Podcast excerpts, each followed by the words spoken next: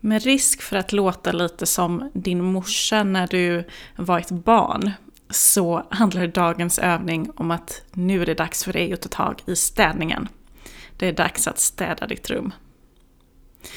Ja, det är nämligen så att den här aktiviteten att städa, det kan bidra till bra stresshantering. Så du behöver inte betala massa pengar för att gå på eh, massage eller massa yogaklasser, utan stresshanteringen finns där i ditt hem.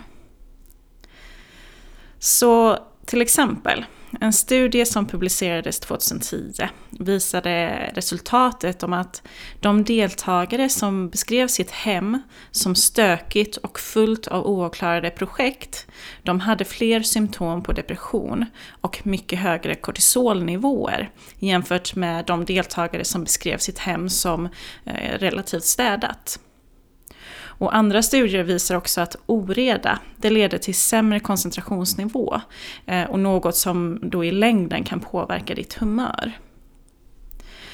Men det hela handlar inte heller om att bara ha ett städat hem, utan oftast är det själva städandet i sig som har en positiv effekt på ditt mående.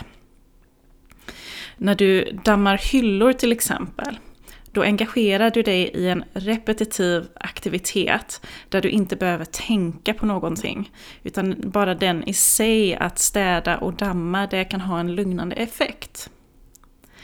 Dessutom så bidrar det till den här känslan av att du eh, blir nöjd och du känner att du gjort något bra under dagen. Och med denna övning så vill jag dock ge en liten varning. Städning ska aldrig behöva gå till en överdrift.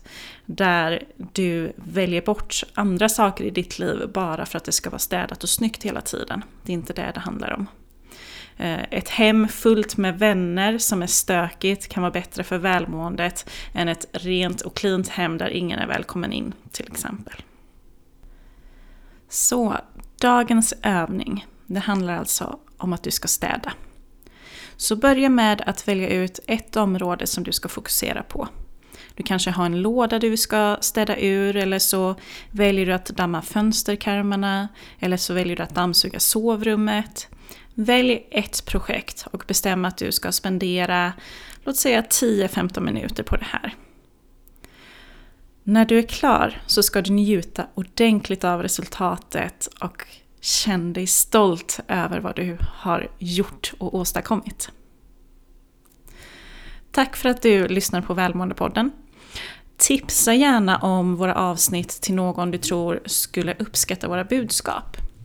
Eh, vi finns ju att följa på Instagram och Facebook. Du hittar dit via länkarna i vår eh, beskrivning av detta avsnittet.